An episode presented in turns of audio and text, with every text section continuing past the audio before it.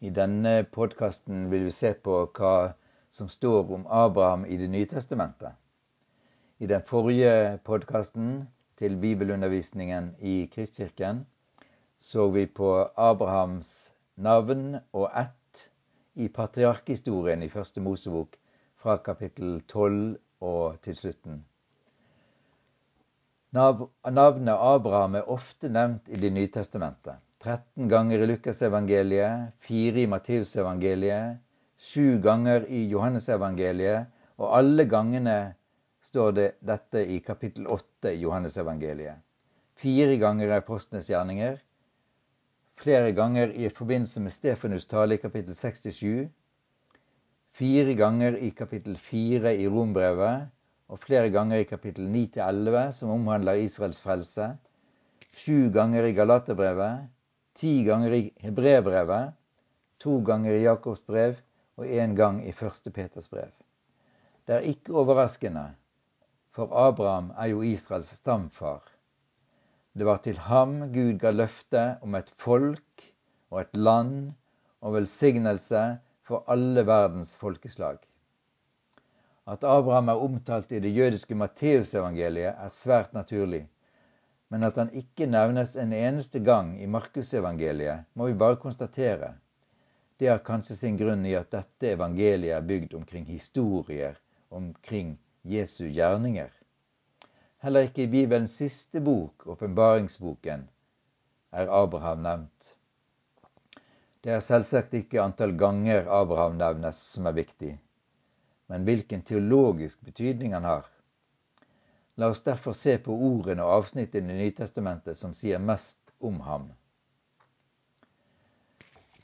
Og Først skal vi se på etterlisten. Matteusevangeliet er skrevet til Jesus-troende jøder.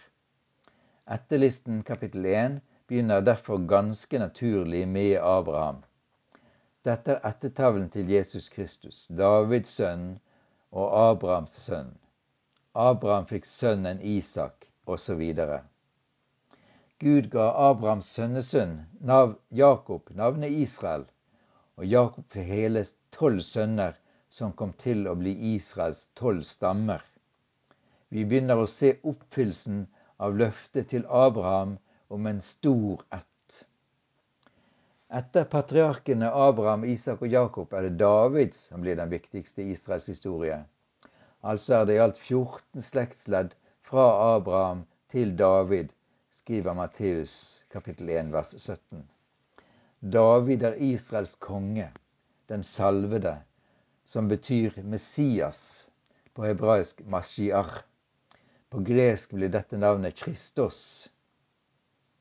I Lukasevangeliet, som er skrevet av en ikke-jøde til hedningkristne, er det annerledes. Der er etterlisten slik, kapittel 3 fra vers 23. Jesus var omkring 30 år gammel da han begynte sin gjerning. Han ble holdt for å være sønn av Josef, som var sønn av Eli, osv. Sønn av Juda, sønn av Jakob, sønn av Isak, sønn av Abraham, sønn av Tara, sønn av Nahor, osv. helt tilbake igjen til sønn av Sett, sønn av Adam, sønn av Gud. Etterlisten går altså motsatt vei og begynner med Jesus. Derfra går den via de store i Israels historie, David, Moses og patriarkene, helt tilbake til menneskehetens begynnelse ved Adam. Gud gir Abraham et løfte. Allerede i Marias lovsang i Lukas evangeliet kapittel 1 fra vers 46 leser vi at, Guds, at løftet Gud ga Abraham, var et levende håp for de fromme Israel Min sjel opphøyer Herren, og min ånd fryder seg i Gud, min frelser, synger Maria. Hun avslutter lovprisningen med troen på at Gud holder sitt løfte til Israel. Han tok seg av Israel, sin tjener, og husket på sin miskunn, slik han lovet våre fedre, Abraham og hans ett, til evig tid. Abrahams og hans ett må forstås som Israel, det jødiske folket. Maria ser at løftet er i ferd med å oppfylles i det barnet hun bærer, Jesus, Frelseren, Messias. Engelen sier til henne i vers 30.: Han skal kalles den høyeste sønn, og Herren Gud skal gi ham hans far Davids trone. Han skal være konge over Jakobs ett til evig tid. David er forbildet på Israels Messias, den salvede kongen. Jakobs hus er identisk med Israel. Allerede i dette ordet fra Guds budbringer, engelen, fremgår det at Jesus som oppfyllelsen av løftet til Abraham er mer enn en konge for Israel og mer enn en jordisk Messias. Samtidig taler disse tekstene om at forventningen til Messias har med Israel som nasjon og land å gjøre, liksom løftet til Abraham også har med nasjon og et landområde å gjøre. Zakarias lovsang kapit i kapittel 1 fra vers 68 uttrykker på en tydelig måte Guds løfte til Abraham. Velsignet er Herren Israels Gud. Han har sett til sitt folk og forløst det. Han har oppreist for oss et horn til frelse i sin tjener Davids hus.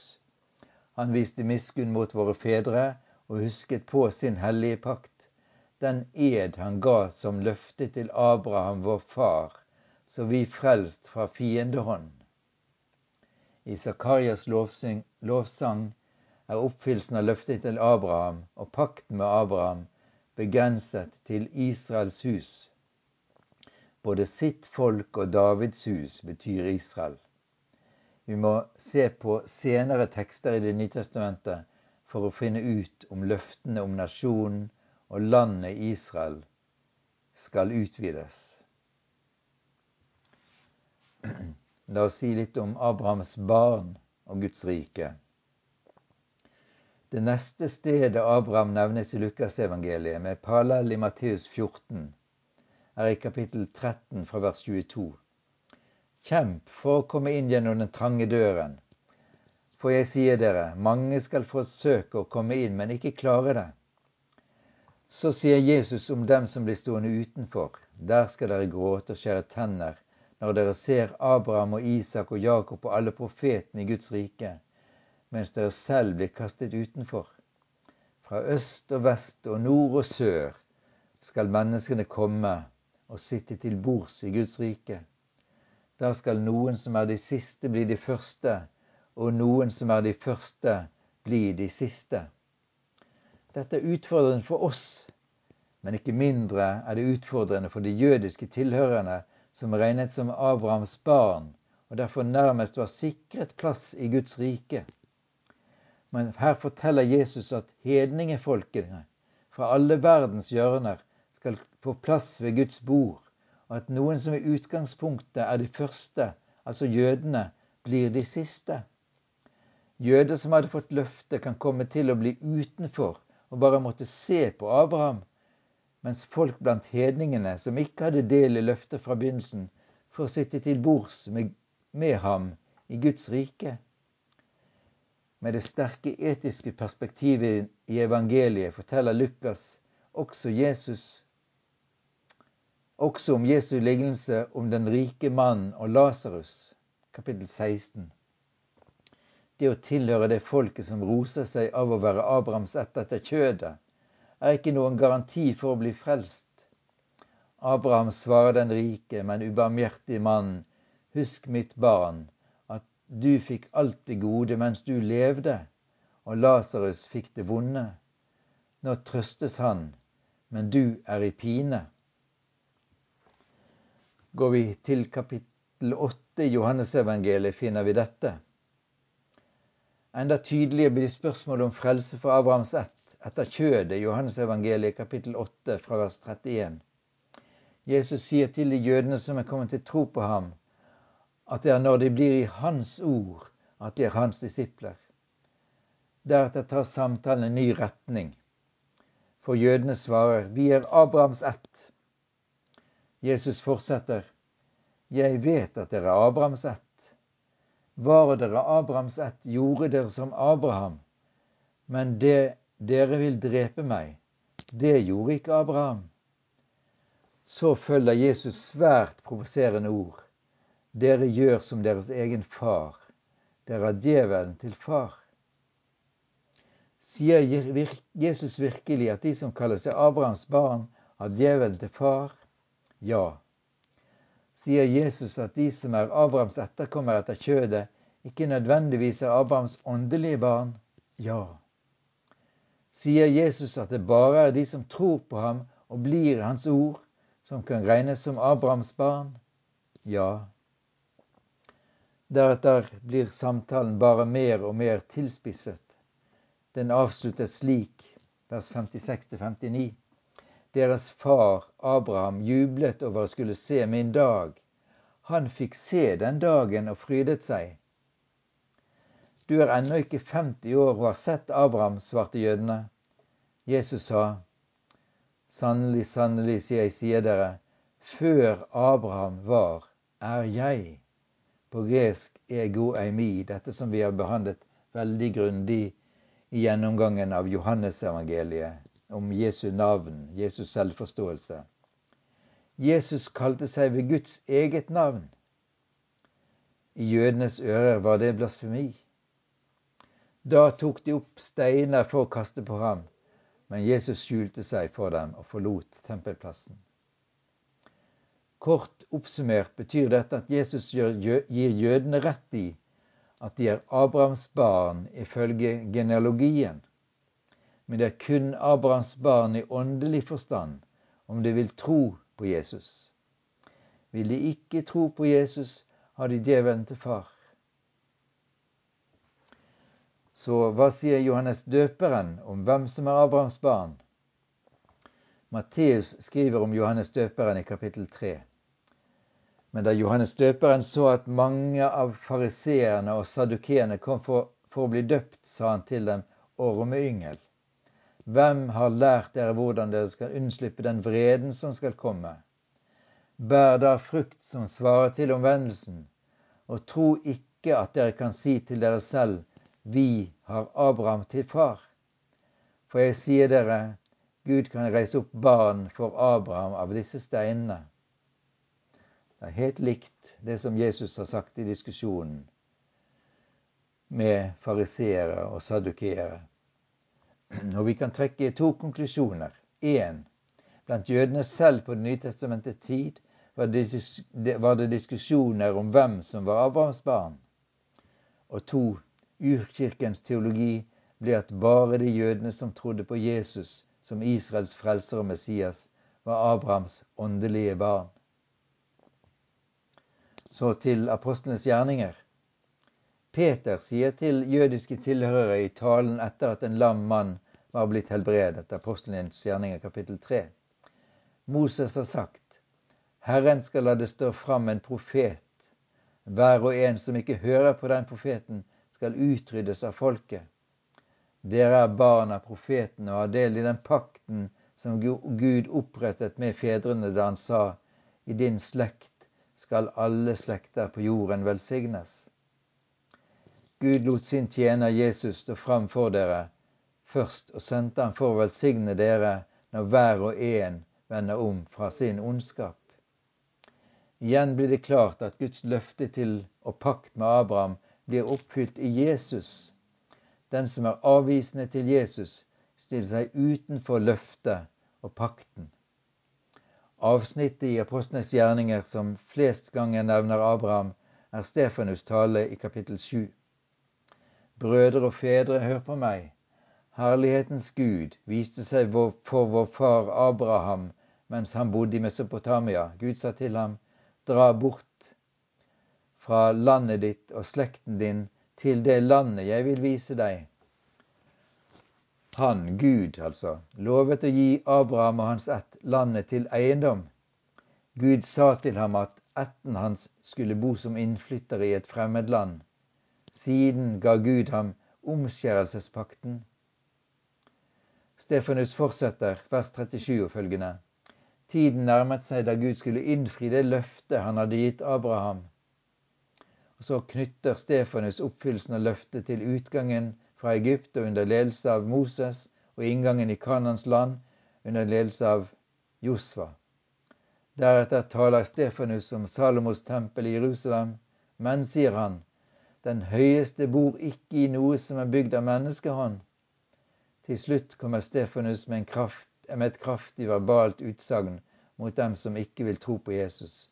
Det fører til at han blir steinet.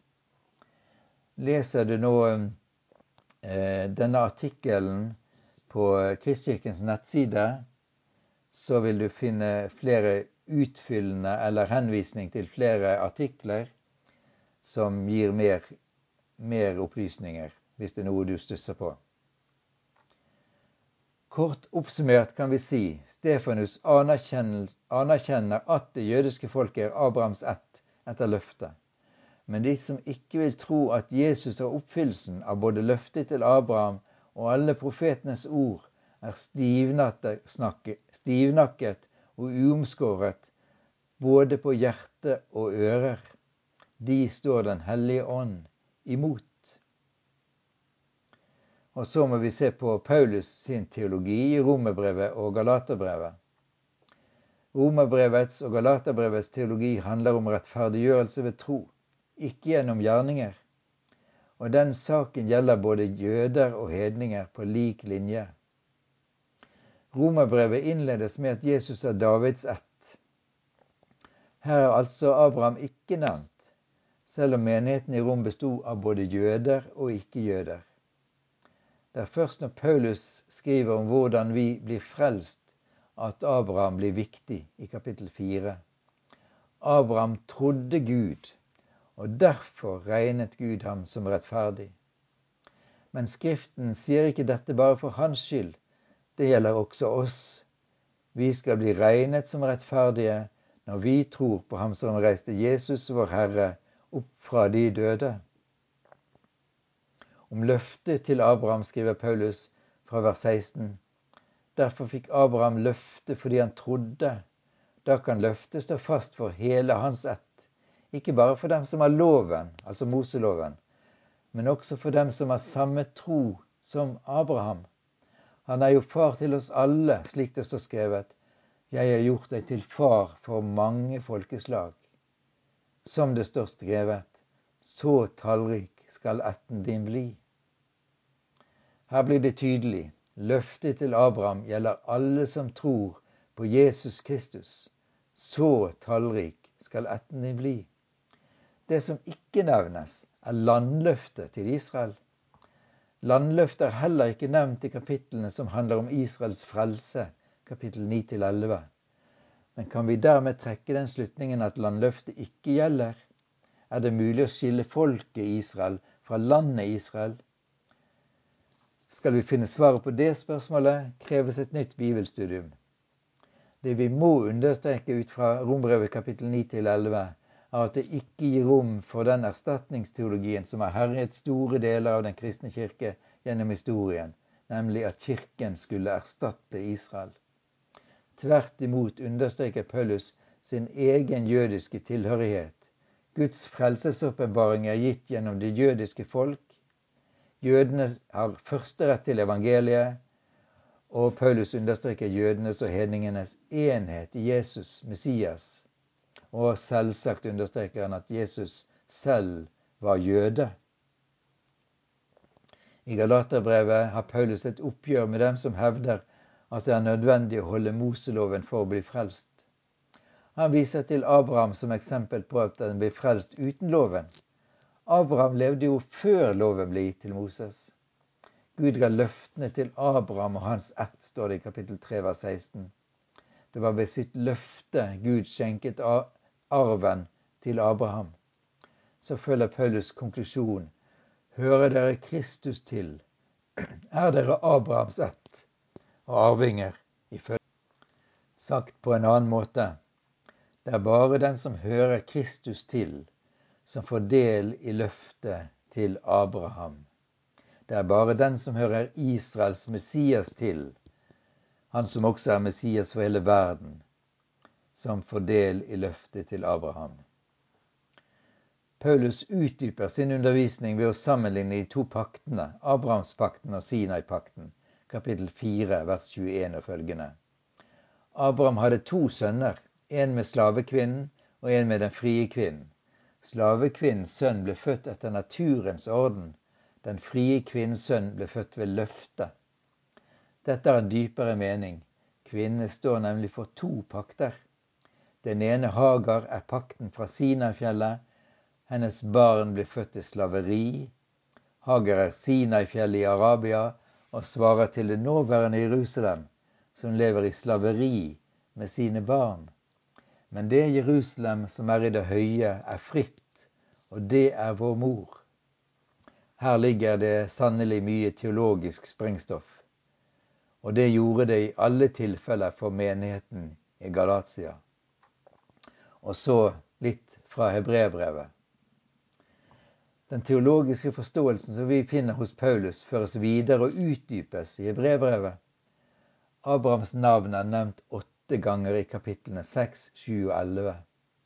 Da Gud ga Abraham løftet, sverget han ved seg selv. Sannelig, jeg vil velsigne deg rikt og gjøre din ett uendelig tallrik. Og Abraham ventet tålmodig og fikk det Gud hadde lovet ham, står det i kapittel 6 fra vers 9 av så skriver Hebreverets forfatter om Abraham og Melkisedek i kapittel 7. I første Mosebok kapittel 14 fra vers 17 leser vi at Melkisedek, kongen i Salem, kom ut med brød og vin. Han var prest for den høyeste. Han velsignet Abraham og sa, Velsignet er Abraham av Gud, den høyeste. Det interessante spørsmålet her er hvem Melkisedek er. Melkisedeks navn er satt sammen av to ord. Melech, som betyr konge, og Sedek, som betyr rettferdig. Han er kongen i Salem, i fredens rike. Melkisedek er ikke av Abrahams ett, men han er prest og konge i en og samme person. Han er en annerledes prest enn Aron, Moses' bror og første øverste prest. Salme 110 vers 4 forteller hva en tenkte i Israel om sammenhengen mellom Messias og Melkisedek. Du er prest til evig tid på Melkisedeks vis. På Melkisedeks vis betyr på samme måte. Messias skal altså være rettferdskonge og den presten som er før Abraham, og som Abraham må få velsignelse fra. Hebrevet gir oss det fulle svaret på hvem Melkisedek er. Jesus Messias. Øversteprestens oppgave var bl.a. å bære fram offer hver dag, vers 27. Men det trenger ikke Jesus. Offeret Jesus har båret fram en gang for alle, da han ofret seg selv. Jesus er mer enn øverstepresten. Han er prest til evig tid av samme slag som Melkisedek. Jesus er mellommann for en ny pakt, skriver Hebrevets forfatter. Abraham er selvsagt med i Hebrevets liste over trosforbilder. Det heter om Abraham i tro var Abraham lydig da han ble kalt, så han dro til et land som han skulle få i arv. I tro levde han som fremmed i det landet Gud hadde lovet ham. Han bodde i telt sammen med Isak og Jakob som var medarvinger til det samme løftet. For han ventet byen, på byen med de faste grunnvollene, den som har Gud til byggmester og skaper. Det siste viser at Abraham ifølge hebreerbrevet hadde et perspektiv utover det jordiske landet Israel.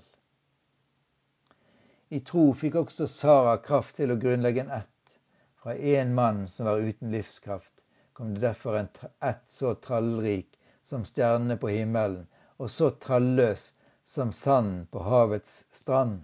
Vers 11. Også dette må peke utover Israels folk, nemlig til at alle folkeslag skal velsignes i Abraham. Det siste brevbrevet forteller om Abraham, er i tro bar Abraham fram Isak. Dette ble sagt til ham Gjennom Isak skal du få en ett som kalles din. Og så avsluttes avsnittet om trosforbildene slik. Alle disse fikk godt vitnesbyrd for sin tro, men de oppnådde ikke å få det som var lovet. Gud så for seg noe som er bedre for oss, at de ikke skulle nå fram til fullendelsen uten oss. Kapittel 11, vers 39. Da blir det store spørsmålet hva betyr det med hensyn til løftene til Abraham om et folk og et land? Guds plan med Israel blir tema på Timoteus-samlingen 7. mai da vil vi bl.a. studere Romerbrevet kapittel 9 til 11.